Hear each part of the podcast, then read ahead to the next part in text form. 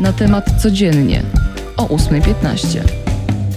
Magdalena Stokłosa. Zaczynamy nasze poranne spotkanie. Jest poniedziałek, 31 stycznia. Cześć, a raczej siema, bo za nami finał 30. Wielkiej Orkiestry Świątecznej Pomocy.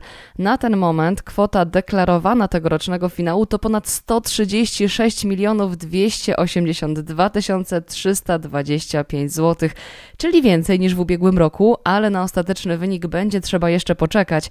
Ta kwota będzie rosła, bo trwają aukcje, większość do 14 lutego, między innymi też nasze aukcje na temat. E, nadal można też wpłacać pieniądze do Wośpowej Puszki. Ukłony należą się wszystkim wolontariuszom, którzy dzielnie wczoraj zbierali datki na ulicach miast i wsi e, w tą ogromną wichurę. E, a to wszystko oczywiście dla małych pacjentów. Tegoroczny finał poświęcony jest szeroko rozumianej okulistyce dla zapewnienia najwyższych standardów diagnostyki i leczenia wzroku u dzieci. Za nami także inny, co najmniej równie pasjonujący finał Australian Open. W sobotę wygrała Ashley Barty, pokonała rywalkę Igi Świątek z półfinału, czyli Daniel Collins i pokazała, że z każdej sytuacji jest wyjście, bo ze stanu 5-1 w drugim secie wygrała go ostatecznie, a także cały pojedynek. Warto odnotować to zwycięstwo, bo po raz pierwszy od 1978 roku mistrzynią Australian Open została reprezentantka gospodarzy. Z kolei u panów, cóż, tam też nie zabrakło nam emocji. Wygrał Rafael Nadal, który również odmienił losy meczu, bo dwa pierwsze sety należały do Daniła Miedwiediewa. Jednak później już Hiszpan nie był do zatrzymania. Wygrał 21 wielkoszlemowy turniej i tym samym jest rekordzistą w liczbie tytułów wielkoszlemowych. Ma jeden więcej od Diokowicza oraz Federera. A jak już jesteśmy przy sporcie, to nasi skoczkowie wyjeżdżają dziś do Pekinu, bo już w sobotę pierwsze zmagania biało-czerwonych na zimowych Igrzyskach Olimpijskich w ramach Pucharu Świata. Chociaż mamy trochę niedosyt po to liczymy na to, że ten prolog, którego byliśmy świadkami, to właśnie zapowiedź przełamania. Dla tych, którzy nie wiedzą, wygrał go Kamil Stoch. W czołowej dziesiątce był też Żyła, Kubacki i Wąsek. No niestety w weekendowych startach później już nie było tak dobrze, ale tak jak mówię, liczymy na to przełamanie od piątku.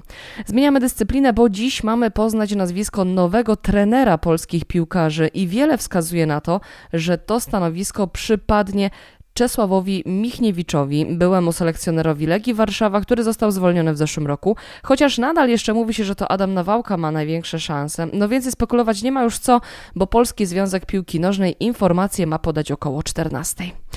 Czas na politykę. Dziś Andrzej Duda ma spotkać się z ministrem Przemysławem Czarnkiem. Tematem rozmowy będzie nowelizacja prawa oświatowego.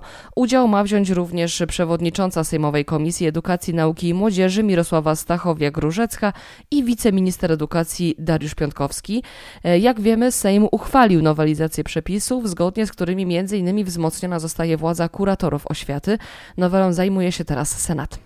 Na dziś w Sejmie zaplanowano z kolei czytanie poselskiej ustawy o testowaniu pracowników w kierunku COVID-19, które odbędzie się na posiedzeniu Sejmowej Komisji Zdrowia.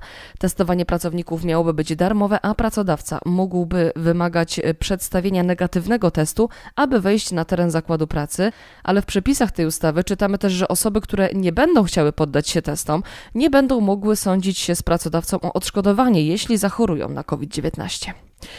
Czas na Kraków, bo jak się okazuje, jako jedyne polskie miasto znalazł się on wśród najpopularniejszych europejskich kierunków podróży. W najnowszym rankingu Traveler's Choice 2022, który organizuje Tribavizor, numerem jeden w Europie okazał się Londyn, na drugim miejscu uplasowała się Kreta, a na trzecim Rzym. Lista obejmuje 25 pozycji, na 24 miejscu znalazł się właśnie Kraków. Stolica Małopolski przyciąga takimi miejscami i zabytkami jak m.in. Wawel, Rynek główny Kościół Mariacki i Kazimierz. Ok, na koniec e, jak co poniedziałek pogoda i po bardzo wietrznym weekendzie czeka nas odrobina spokoju. Niż Nadia powoli odpuszcza, ale od środy znów może mocniej wiać. Jak podają synoptycy, w pierwszych dniach tygodnia będzie chłodno, należy spodziewać się temperatur nieco powyżej zera w ciągu dnia i niewielkich mrozów w nocy oraz opadów, deszczu, deszczu ze śniegiem i śniegu. I tym się dziś z Wami żegnam. Magdalena Stokłosa. Dzięki. Do usłyszenia. Cześć.